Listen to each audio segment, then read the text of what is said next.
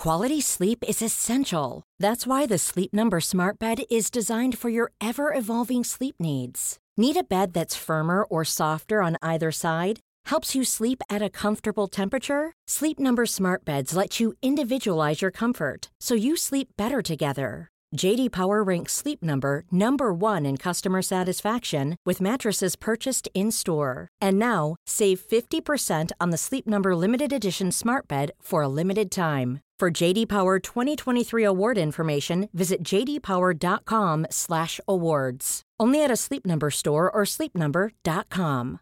Hey, I'm Ryan Reynolds. At Mint Mobile, we like to do the opposite of what Big Wireless does. They charge you a lot, we charge you a little. So naturally, when they announced they'd be raising their prices due to inflation, we decided to deflate our prices due to not hating you. That's right. We're cutting the price of Mint Unlimited from $30 a month to just $15 a month. Give it a try at mintmobile.com slash switch. $45 upfront for three months plus taxes and fees. Promote for new customers for limited time. Unlimited more than 40 gigabytes per month. Slows. Full terms at mintmobile.com. Here's a cool fact a crocodile can't stick out its tongue. Another cool fact you can get short term health insurance for a month or just under a year in some states. United Healthcare short term insurance plans are designed for people who are between jobs, coming off their parents' plan, or turning a side hustle into a full time gig. Underwritten by Golden Rule Insurance Company, they offer flexible, budget friendly coverage with access to a nationwide network of doctors and hospitals. Get more cool facts about United Healthcare short term plans at uh1.com. 1987 och ett decennium framåt så hittade man kroppar i området Southside i Los Angeles. Kropparna tillhörde utsatta kvinnor. Kvinnor i prostitution och missbruk. Kvinnorna hade blivit våldtagna, strypta och dumpade. Även om morden inte fick särskilt stor uppmärksamhet i Los Angeles då, så insåg man att morden kunde vara sammankopplade och att man kanske hade med en seriemördare att göra. Ingen trodde att mannen man sökte var deras egna granne som valde att våldta och mörda i sitt eget bostadsområde.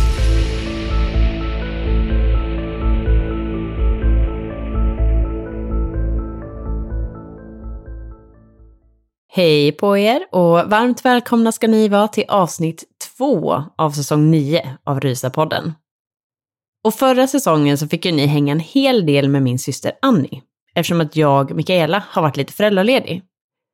Men som Annie nämnde i förra avsnittet så är jag nu tillbaka, i alla fall lite grann. Och jag tänker då att vi idag ska prata om någonting som jag vet att många av er, och även jag, fascineras av, och det är seriemördare. Och just den här seriemördaren är ett tips från en av er lyssnare, Therese Röjestål. Det här avsnittet handlar om en man som kallas Southside Slayer. En man vid namn Chester Turner. Så tusen tack till dig Therese för ett bra tips och så tycker jag att vi tar och kör igång direkt.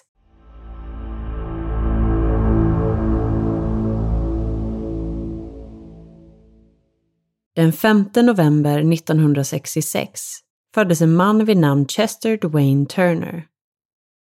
Han föddes i en liten stad som idag har cirka 5000 invånare. En stad som heter Warren i delstaten Arkansas i USA. Här bodde Chester tillsammans med sina föräldrar, sin mamma Audrey Turner och sin pappa, som jag tyvärr inte har kunnat hitta ett namn på. Relationen mellan hans föräldrar var inte bra. Och Chester beskriver själv i en intervju som finns att lyssna på via YouTube, som heter The Serial Killer Interview, Chester Turner, The Southside Slayer, att hans pappa var våldsam mot hans mamma när han drack. När Chester var fem år gammal så valde därför hans mamma att ta med sig Chester och lämna Arkansas. Därefter flyttade de till Los Angeles och South Central. Det här området i Los Angeles, dit Chester och hans mamma flyttade, kallas idag för South Los Angeles, men kallades då som sagt South Central. Det finns vissa områden i Los Angeles som beskrivs som de farligaste områdena att bo i. Och ett av de här områdena är just detta, både då och idag. Det florerar mycket droger och vapenhandel. Och båda de här delarna är starkt kopplade till gängaktivitet i området. Som boende i området så är man än idag uppmanad att vara försiktig med att ge sig ut nattetid. Chester beskriver själv att han lekte ute på gården men att man kunde höra skottlossningar och att det inte kändes som en trygg plats att bo på. Några av de största gängen, redan då, var Bloods och Crips.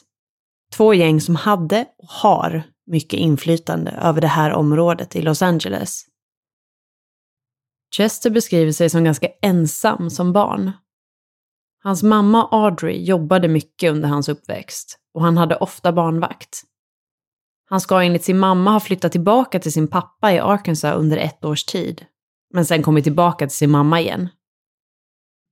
Chester själv beskriver det som att det inte fanns någon för honom att se upp till och han hade inte heller någon direkt tillhörighet.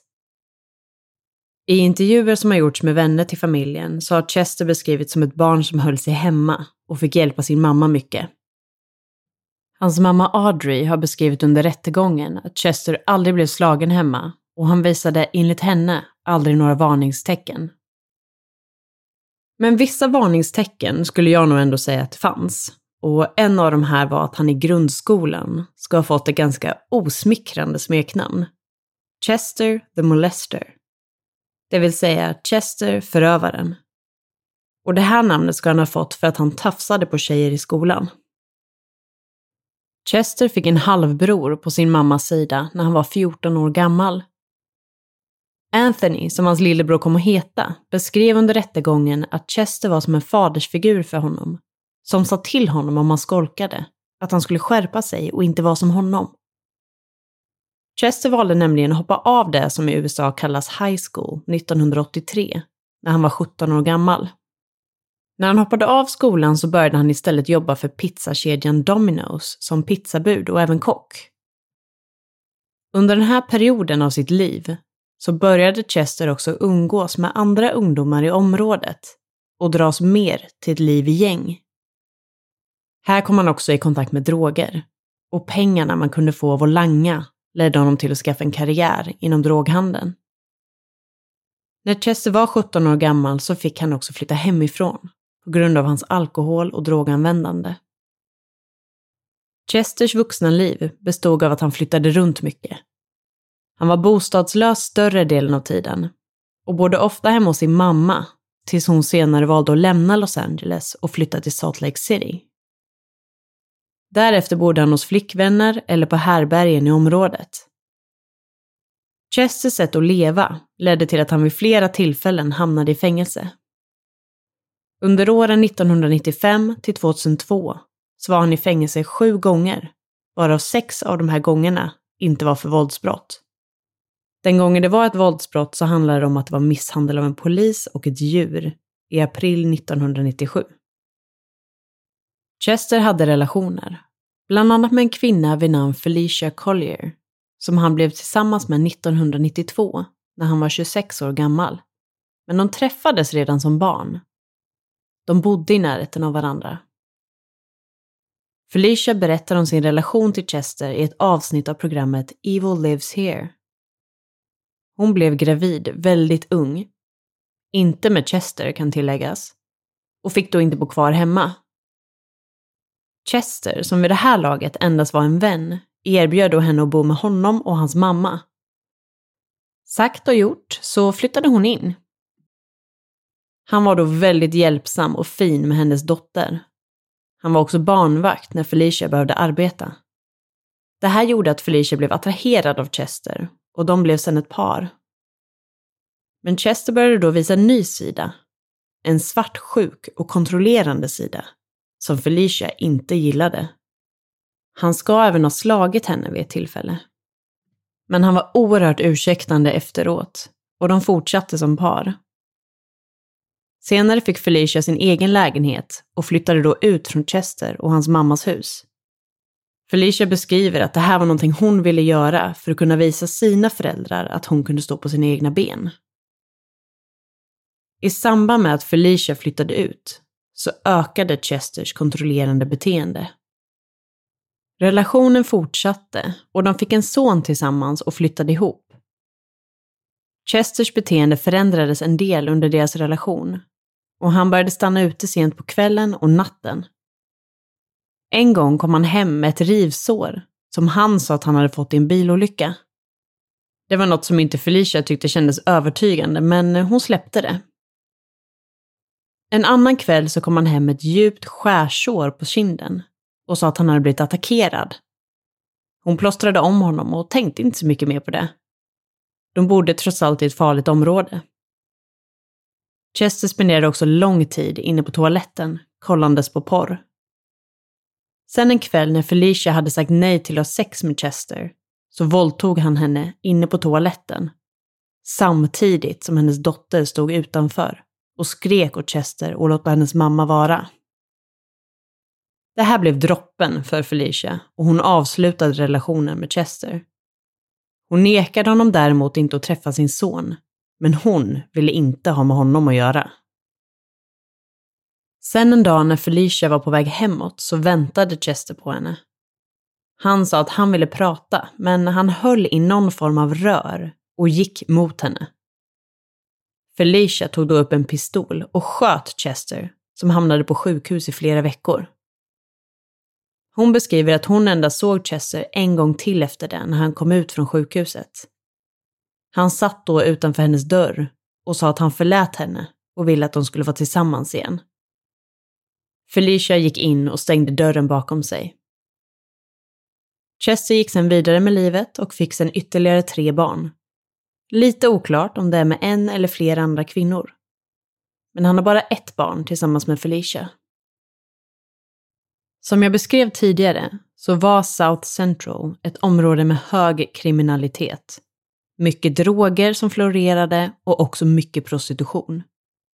Det skulle visa sig sen att det här också var jaktmarker för inte bara en, utan flera seriemördare under ungefär samma tidsperiod. Under 80 och 90-talet så började fler och fler mordoffer att dyka upp i South Central. Det tillsattes en enhet för att försöka lista ut vem som mördade alla de här kvinnorna. Sorgligt nog så var inte det här några stora nyheter för omvärlden, eftersom att offren som hittades var, till största del, svarta kvinnor som hade missbruksproblematik, var hemlösa, vissa var prostituerade eller hade dåligt psykiskt mående. Det var personer som var utsatta från start. Och det var, enligt många, ett bristande intresse att rapportera om de här morden. Några av de här kvinnorna tänker jag att vi ska berätta mer om. Och det är de kvinnor som sen kom att knytas till just Chester Turner. Alla de här kvinnorna hittades halvt avklädda och strypta. Antingen med någon form av hjälpmedel eller med bara händerna. Det som också är tydligt med de här offren är att de har dumpats på ett sätt som endast kan beskrivas som att någon skulle ha kastat iväg sopor. Likgiltigt och respektlöst. Alla offer, förutom ett av dem, hade också kokain i kroppen när de hittades. Åldrarna varierar beroende på källa, så att jag har valt att gå på de åldrar som finns i juridiska dokument som jag har läst. Det känns som den säkraste källan. Det finns inte jättemycket information om de här kvinnorna och det är ganska många som vi ska nämna. Så att jag hoppas att ni hänger med. Men det vi kan säga är att det rör sig om kvinnor i åldersspannet 21 till 45 år som hittats mellan perioden 1987 och fram till 1998. Den första kvinnan som vi ska nämna är Diane Johnson. Hon var 21 år gammal och hennes halvnakna kropp hittades den 21 mars 1987. Vid det här laget var alltså Chester i princip jämngammal. Han skulle fylla 21 i november samma år. Ett halvår senare, i oktober 1987, så hittades ännu en kropp. Det visade sig vara 26-åriga Annette Ernest. Det skulle sedan dröja ett och ett halvt år tills nästa kropp hittades. Den här gången var det Anita Fishman, en 31-årig kvinna som hittades i januari 1989. I september 1989 så hittades 27-åriga Regina Washington. Även hon hittades delvis avklädd. Det som var lite speciellt och gjorde mordet på Regina extra tragiskt var det faktum att hon var gravid. Barnet kallades i media för Baby Washington och barnet bedömdes vara cirka 27 eller 28 veckor gammalt och vägde 825 gram. Trots att Regina använde kokain så verkade barnet, som visade sig vara en liten flicka, har utvecklats normalt fram till det att hon dog till följd av att hennes mamma ströps till döds. Vilket gör mordet på Regina Washington till dubbelmord. Ett par år senare, i april 1993, så hittades Andrea Triplett, 29 år gammal, halvt avklädd och dumpad bakom en övergiven byggnad. Även Andrea var gravid. Men eftersom hon endast var i fjärde eller femte månaden och fostret vägde endast 305 gram så bedömdes det som att barnet inte skulle kunnat överleva utanför magen. Och utifrån det så räknades det sorgligt nog inte som ett mord rent juridiskt. Något som är lite intressant kring Andrea är att efter hennes begravning så hölls en stor middag hemma hos Andreas mamma, Jerry Johnson. Hon berättar om det här i ett radioprogram. Det är en tradition i hennes kultur att efter en begravning, i det här fallet hennes dotters, så samlas alla och tar med sig mat och sörjer, äter och umgås med varandra. Det var många där. En av dessa, en man från området som de bara kände till, var ingen mindre än Chester Turner. Han kom alltså till en middag för att sörja Andrea och äta mat. En månad efter att Andrea hittats, i maj 1993, hittades 29-åriga Desiree Jones död. Det skulle sedan dröja nästan två år innan nästa offer skulle dyka upp och det var i februari 1995. Den 39-åriga Natalie Price hittades död och halvt avklädd i ett övergivet hus. I november 1996 hittades 45-åriga Mildred Williams Beasley. Morden på de två sista kvinnorna som vi ska nämna just nu skedde 1998. Det ena i februari och det var 41-åriga Paula Vance som var hemlös och led av psykisk sjukdom. Det visade sig sen finnas en skrämmande detalj kring mordet på Paula. Hennes mord hade fångats på film. Det man kan se enligt beskrivningar från poliser som har vittnat under Chesters rättegång är en grynig film där man ser en man greppa Paula via nacken, trycka ner henne på marken och våldta henne för att sedan strypa henne till döds.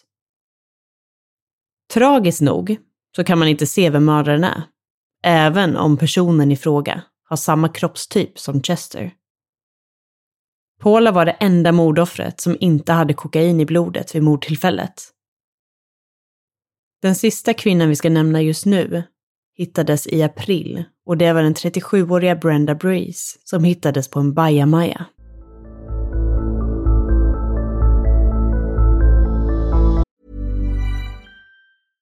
This is Paige, the co-host of Giggly Squad, and I want to tell you about a company that I've been loving, Olive and June. Olive and June gives you everything that you need for a salon quality manicure in one box. And if you break it down, it really comes out to $2 a manicure, which is absolutely insane. It's also so easy to get salon worthy nails at home with Olive and June. The difference between how your nails used to look when you did them yourself and now with the Manny system is a complete game changer. The best thing about Olive and June too is it's a quick dry, dries in about one minute, lasts for five days, and full coverage in up to one to two coats. Visit oliveandjune.com slash perfectmanny20 for 20% off your first system. That's oliveandjune.com slash perfectmanny20 for 20% off your first system.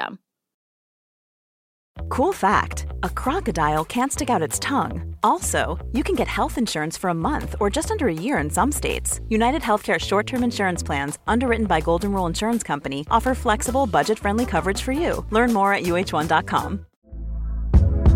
Hey there, it's Michelle Norris. I'm host of a podcast called Your Mama's Kitchen. When I travel, I'm usually looking for a way to find a taste of home when I'm not at home. And one of the things I love to do when I am at home is entertain. And Airbnb allows me to do that. When I was in California recently, I rented a house that had a great kitchen. And when we were sitting around the table, we're all thinking, we're in someone else's house. Someone could be in all of our homes as well. If you have a home, but you're not always at home, you have an Airbnb. Your home might be worth more than you think. Find out how much at airbnb.com slash host.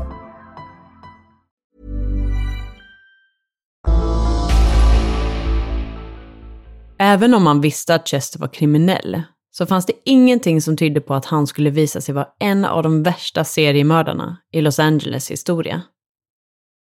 Det som slutligen ledde till att man insåg vad Chester var kapabel till berodde på ett annat brott som ägde rum våren 2002. Chester jobbade vid den här tidpunkten för ett säkerhetsbolag som en del av ett rehabiliteringsprogram som han var delaktig i. En dag när han arbetade så passerade en kvinna vid namn Maria honom. Maria var en hemlös kvinna som hade drogmissbruk och försörjde sig genom prostitution. Han bad om att få låna en tändare. Maria kände igen honom från ett härberge som hon brukade duscha på. När hon kom nära honom så ska han ha tagit tag om hennes hals och dragit in henne bakom en container, där han sedan våldtog henne flera gånger. Han hotade med att döda henne om hon anmälde honom till polisen. Men hon stapplade modigt nog direkt till närmaste polisstation för att anmäla vad hon hade varit med om. Men sorgligt nog så var det ingen som verkade ta hennes anmälan på särskilt stort allvar och hon blev tillsagd att sätta sig ner och vänta. Något som gjorde att hon lämnade stationen utan att ha gjort sin anmälan. Det här hade kunnat vara det sista man hörde om det här, men som tur var, när hon kom till härberget, så berättade hon för personalen där vad det var som hade hänt. Och en av dem lyckades övertyga Maria om att hon måste kräva att få lämna sin anmälan och bli trodd på. Hon valde därför att gå tillbaka. Ett rape-kit utfördes på henne och hennes vittnesmål och sen också DNA matchades med Chester Turner. Han erkände våldtäkten och dömdes för det här brottet till åtta års fängelse. Det som ledde till att Chester gick från att vara en dömd våldtäktsman till att bli en dömd seriemördare är att man efter det här, år 2003, lyckades matcha hans DNA till två andra mord. Nämligen Paula Vance och Mildred Beasley. Och jag vet inte hur ni andra tänker här, men min första tanke var, vad fasen, han har ju precis suttit av tid för misshandel och varit dömd flera gånger tidigare för mindre brott. Varför har man då inte samlat in hans DNA och insett att det kan matchas innan? Men om jag har förstått det hela rätt så var det så att man tidigare endast tog DNA från personer som har begått vissa grövre brott, däribland sexualbrott. Idag skiljer det lite från stat till stat i vilka skeden man tar DNA och från vilka, men det tror jag är förklaringen till varför Chester kunde hålla sig under radarn fram till hans attack på Maria. Men han kunde alltså kopplas till två av morden, Paula och Mildred. I samband med att man då kunde koppla Chester till de här morden så började man även undersöka andra mord som hade begåtts i området, som hade liknande tillvägagångssätt. För det kan man ju verkligen säga om Chester, att han har ett specifikt tillvägagångssätt. Han våldtar och stryper sina offer. Offren är alla kvinnor som skulle kunna beskrivas som särskilt utsatta, kvinnor i missbruk, prostitution, hemlösa. Genom den här efterforskningen så fann man kopplingar till de andra åtta kvinnorna som vi hade nämnt tidigare. Sammanlagt hade man alltså knutit honom till tio mord. Men när polisen kollade igenom alla de här brotten så hittade de ytterligare tre stycken mord. Morden var på Tammy Christmas som hittades strypt i september 1992. Deborah Williams som hittades i november 1992 och Mary Edwards som hittades i december 1992.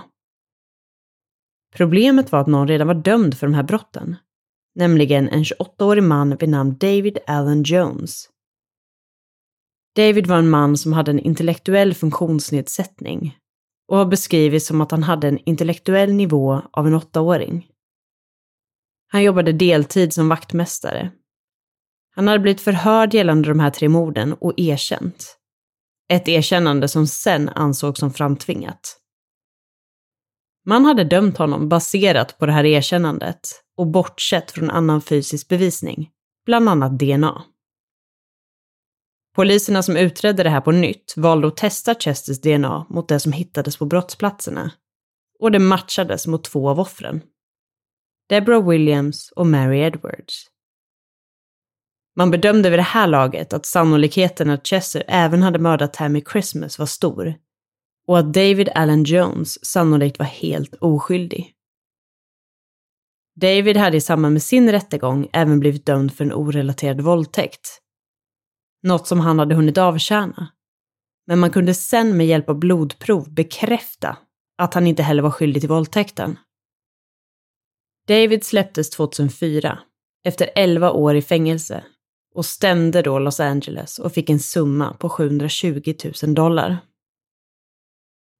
I april 2007 dömdes Chester för tio mord på kvinnor samt Baby Washington. Det var då de tio kvinnorna som jag berättade om inledningsvis. I juli samma år fick han sin påföljd. Han dömdes till döden. Och det var i samband med den här rättegången som vissa bitar föll på plats för Chesters före detta flickvän och hans sons mamma, Felicia Collier. Hon insåg att vissa mord hade begåtts under tiden som de var ett par. Chester hade inte stannat ute på natten för att han var otrogen. Han hade mördat kvinnor. Sju år senare dömdes Chester för ytterligare fyra mord. Och det var då morden på 33-åriga Elandra Bunn, som mördades i juni 1987. 28-åriga Deborah Williams, som hittades nedanför en trappa som ledde in till ett pannrum i november 1992. 42-åriga Mary Edwards som hittades i en carport i december 1992. Samt 30-åriga Cynthia Annette Johnson som dog i februari 1997. Påföljden för de här morden var att Chester fick ytterligare en dödsdom. Sex år senare, i september 2020, så gick California Supreme Court igenom Chesters fall och han friades då för mordet på Baby Washington. Bedömningen var att det inte gick att klarlägga barnets möjligheter att ha överlevt utanför magen.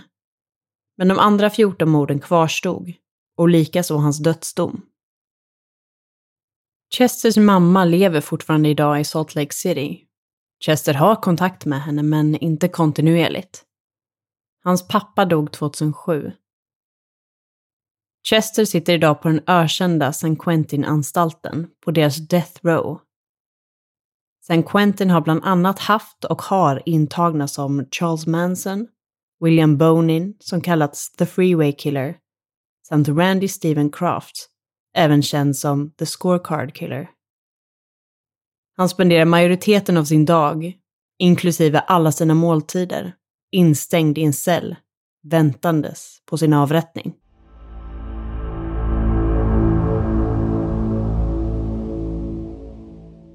Varje gång jag researchar just seriemördare så tycker jag att det är så oerhört intressant när man får möjligheten att höra deras egna resonemang och tankar kring det de har gjort. Hur de själva ser på det. Och just det här avsnittet har varit väldigt intressant att researcha för Chester verkar vara en sån man som gärna låter sig intervjuas. Man kan alltså lyssna på hans egna ord kring sitt liv. Det som slog mig när jag lyssnade på en intervju med honom i podden Where the Bodies Are Buried var hur han, i min tolkning, se sig som ett offer för omständigheter. På frågor till honom som hur han blev en av de värsta seriemördarna i amerikansk historia hänvisar han bara till hans tuffa liv i form av gänglivet och att han inte hade några förebilder. Vilket såklart präglar en människa om man växer upp under tuffa omständigheter, men långt ifrån alla blir seriemördare, tänker jag. På frågan om han ångrar det han har gjort så istället för att prata om sina offer så blir svaret att han nu ses som någon som man inte kan lita på och att han sitter instängd. Det är synd om honom helt enkelt. Vilket för mig också säger en hel del om hans förmåga att reflektera och känna empati för sina offer. Det är också intressant med det här ärret som han har i ansiktet. Ett väldigt distinkt ärr som hans ex Felicia beskriver ska ha varit från ett av hans offer som har försvarat sig. Men enligt Chester själv så blev han påhoppad av några som ville sno knark av honom. Det är verkligen intressant att höra och jag hoppas att ni som har lyssnat har tyckt att det här har varit lika intressant.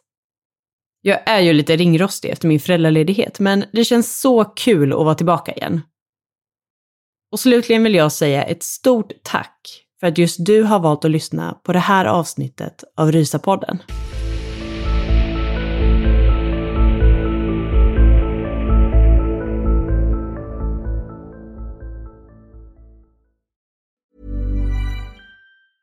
Planning for your next trip? Elevate your travel style with Quince. Quince has all the jet setting essentials you'll want for your next getaway, like European linen, premium luggage options, buttery soft Italian leather bags, and so much more. And is all priced at 50 to 80% less than similar brands. Plus, Quince only works with factories that use safe and ethical manufacturing practices. Pack your bags with high-quality essentials you'll be wearing for vacations to come with Quince. Go to quince.com slash pack for free shipping and 365-day returns. Planning for your next trip? Elevate your travel style with Quince. Quince has all the jet-setting essentials you'll want for your next getaway, like European linen, premium luggage options, buttery soft Italian leather bags, and so much more. And is all priced at 50 to 80% less than similar brands. Plus, Quince only works with factories that use safe and ethical manufacturing practices. Pack your bags with high-quality essentials you'll be wearing for vacations to come with Quince. Go to quince.com slash pack for free shipping and 365-day returns.